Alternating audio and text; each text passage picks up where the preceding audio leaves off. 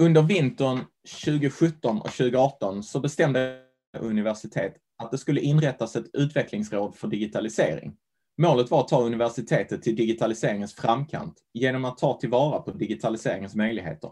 Jag, Andreas Jakobsson, till vardags dekan på TS, fick uppdraget att leda rådet och Patricia Staff, föreståndare vid Centrum för akademiskt lärarskap och Magnus Wickfors, universitetets IT-chef, utsågs tillsammans med ett par andra nyckelfigurer för den digitala transformationen vid vårt universitet att ingå i detta råd. Sagt och gjort. Vi påbörjade arbetet med att förstärka organisationen och resurserna i den för mer digitalisering. Vi tog fram ett förslag på långsiktig färdplan för digitalisering och vi gjorde mycket annat också. Sen kom coronamöget, eller covid-19. Någon gång i mars i år, sådär, och slog till med buller och bång. Tidslinjer på sju och tio år fick bytas ut för att klara omställning från en dag till en annan. Och när vi nu snart ska summera detta minst sagt ovanliga år så infinner sig ju frågan om denna chockdigitalisering. Vad har den gjort med oss? Hur har den påverkat oss? Och vad finns det kvar att göra? Patricia och Magnus, varmt välkomna till Digipodden. Den här chockdigitaliseringen, vad har den egentligen gjort med oss? Ja, men den har ju förflyttat oss kompetensmässigt eh, snabbt stora kliv framåt. Många av våra lärare hade innan mars inte undervisat digitalt överhuvudtaget. Idag har alla det och det är en förflyttning som vi inte ens kunde drömma om. Samtidigt så har den ju gjort någonting med vår lärarroll, vår relation till våra studenter. Eh, det är ganska mycket som har hänt på de här månaderna som både handlar om teknikhantering men också handlar om, tycker jag, ett nyvaknat intresse för pedagogiska frågor och hur vi verkligen når våra studenter. Vad säger du, Magnus? Ja, det är väl egentligen på två delar som jag ser att det har påverkat oss någonstans när man så snabbt ska byta arbetssätt, då är man tvungen att pröva på egen hand. Lite grann man är, lämnas ensam och testa för man måste, showen måste gå on. Så förhoppningsvis det som kommit ut av det här det är ju att man vågar testa att det kan bli lite fel, men det är okej. Okay, för man gör det ändå. Så attitydmässigt så hoppas jag på någonting att man vågar ta till sig teknik och prova att det är okej okay att det blir lite fel, men det går bra ändå. Och den andra delen är ju att det krävs mycket, mycket mer support och stöttning och det jobbar vi ju fortfarande på med att bygga upp så att vi kan ha det för en framtid. Det tar sin tid det där maskineriet att bygga upp så här. Men jag tror det kommer och då kommer vi kunna komma till någon annan form av framtid med mycket mer support och olika former av alternativ i lärandet. När vi spelade in eh, den här podden i ett föregående avsnitt för någon månad sedan eller så, då hade vi eh, eh, bland annat Martin Stigmar som en av gästerna. Han spanade ju väldigt mycket kring vikten av att inte förlora studentinteraktivitet under den digitala omställningen och kanske till och med snarare att, att uppmana oss alla lärare att säkerställa att studentinteraktiv tillgodoses också i ett sammanhang av digital undervisning och examination. Jag tänkte fråga dig, eh, Patricia, vilken förändring har vi sett i sätten på vilka våra lärare undervisar, skulle du vilja säga? Ja, jag tänker att vi är mitt i den förändringen och det jag försökte eh, hinta om när jag sa ett nyvaknat intresse för pedagogiska frågor, det handlar ju just om det där som vi kanske tar för självklart när vi har studenterna i rummet men skulle kunna göra bättre även där. Det inkluderande förhållningssättet men också det studentaktiva, sätta studenterna i centrum. Det är ju sånt som vi egentligen borde prata om alltid. Studentaktivt lärande är lite nyckelord inom Malmö universitet. Och man upptäcker hur svårt det är när vi då flyttade in i det digitala. Det går inte att förflytta föreläsningspedagogiken rätt in i Zoom för då tröttnar man. Det märker vi själva som sitter i många möten och sådär. Så både lärare och studenter efterfrågar ju den här interaktiviteten. Lärarna saknar kontakten med sina studenter. Vi har utmaningar kring att man inte ser studenterna i Zoom, man sitter med svarta rutor och vad gör det med undervisningen? Så att jag tror att vi har fått till ett samtal där man också dels diskuterar hur, hur vi kan åstadkomma, åstadkomma interaktiviteten men också hur vi kan lägga över en del eh, tydligare ansvar på studenterna att organisera sitt lärande och ha aktivitet sinsemellan. Sen finns det mängder med goda exempel där man, har, man jobbar med check-ins eh, varje vecka, man gör sig synlig för studenterna, man jobbar med grupper, man jobbar problembaserat. Det finns mängder av goda exempel på hur man har hanterat det här. Jag tänkte borra lite grann i frågan om stödet bakom. Vilka stödinsatser har varit särskilt viktiga? Vilka borde vi göra mer av och så vidare? Vad, vad säger du om det Patricia? Men framförallt så har ju även stödet förändrats över den här tiden. I våras när eh, chocken kom så handlade mycket av stödet om att hantera tekniken, att få det att funka helt enkelt. Det var eh, prio ett och stort fokus och mycket stress eh, också bland lärare ska vi ha respekt för. Eh, man vill känna sig bekväm och trygg i sina verktyg och det hann man inte riktigt med. Så mycket av stödet i våras handlade om systemen, eh, programmen, tekniken. Sen märkte vi eh, när vi förstod att vi skulle starta höstterminen på samma sätt. Då flyttades fokus till introduktionen. Hur får vi med de nya studenterna, de studenterna som vi aldrig har träffat, som vi inte känner, som vi ska lära känna och introducera till högre utbildning på ett helt nytt sätt. Då var fokus helt och hållet eh, över sommaren på den digitala inkluderande introduktionen. Och nu märker vi under hösten att vi får allt mer frågor om eh, tillgänglighet, om in, alltså, hur når vi studenter med särskilda behov. Eh, den studentgruppen både gynnas och missgynnas. Vissa studenter tycker det här är en förbättring, deras studieresultat blir bättre. Andra studenter tycker det här är en stor försämring och utmaning och deras studieresultat går ner. Eh, och sen så ligger ju de här eh, mer generella pedagogiska frågorna eh, också parallellt för den stora lärargruppen. Så att fokus från teknik till pedagogik, om man ska säga det i en mening. Men tekniken på något vis tycks ju spela en viktig roll här. Och hur har då stödet utvecklats och förändrats under året vad gäller så att säga eh, tekniskt stöd? Stöd vad gäller system, utrustning, teknik i allmänhet och så vidare till våra lärare under... Vad säger du Magnus? Ja, på något sätt får ju IT-avdelningen ta den här lite mer hårda sakerna som vi pratade om, den tekniken och den. Och det handlar ju dels om att vi ska få in tillräckligt och, och bra system för lärarna för att kunna göra sin pedagogiska insats. Och jag tror när vi kan enas kring någon form av IT-pedagogisk verktygslåda så vi bestämmer vad vi har, för då kan man manna upp och ge support kring det.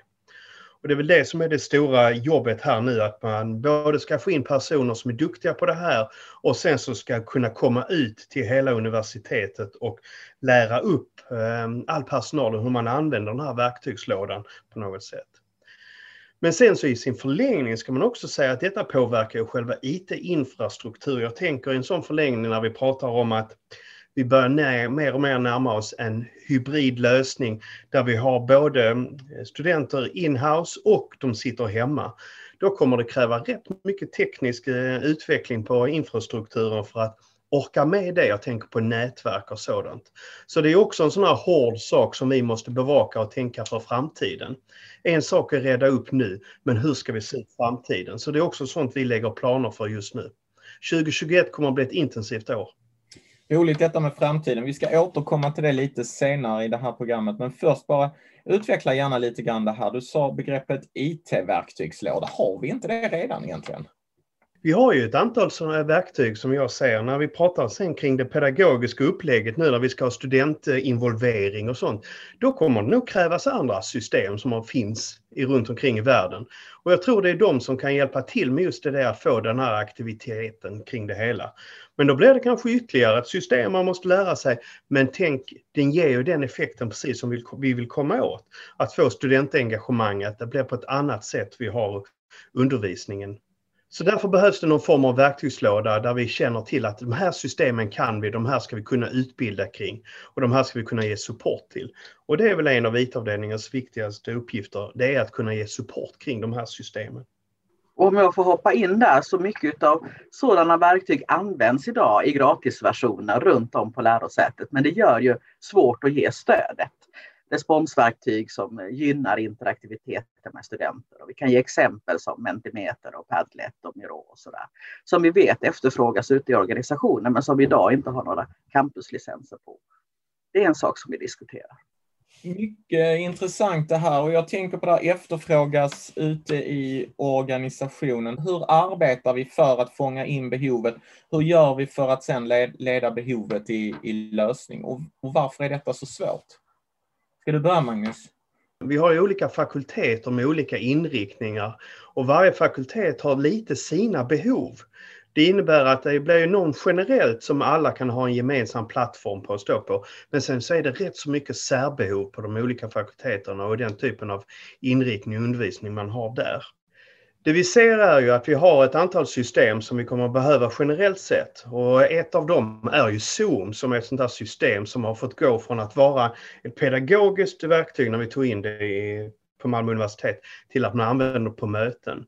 Vi använder det på disputationer. Vi använder det på våra olika former av seminarier och kurser vi har. Så Zoom är ju ett sånt här verktyg som behöver ännu mer support för tillämpningar.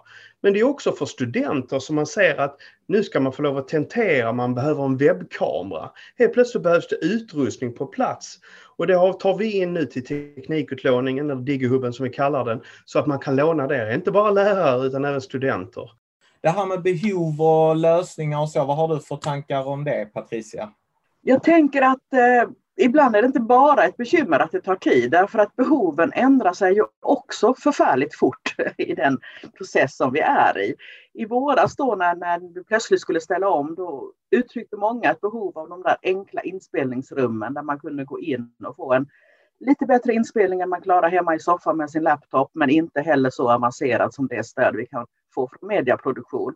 Eh, lite, lite mellanting när vi nu då inte hann med i våras och tog upp tråden här efter sommaren så var inte det behovet så stort för då hade man upptäckt att eh, det funkar ganska bra, det räcker rätt så långt eh, det jag klarar att göra själv.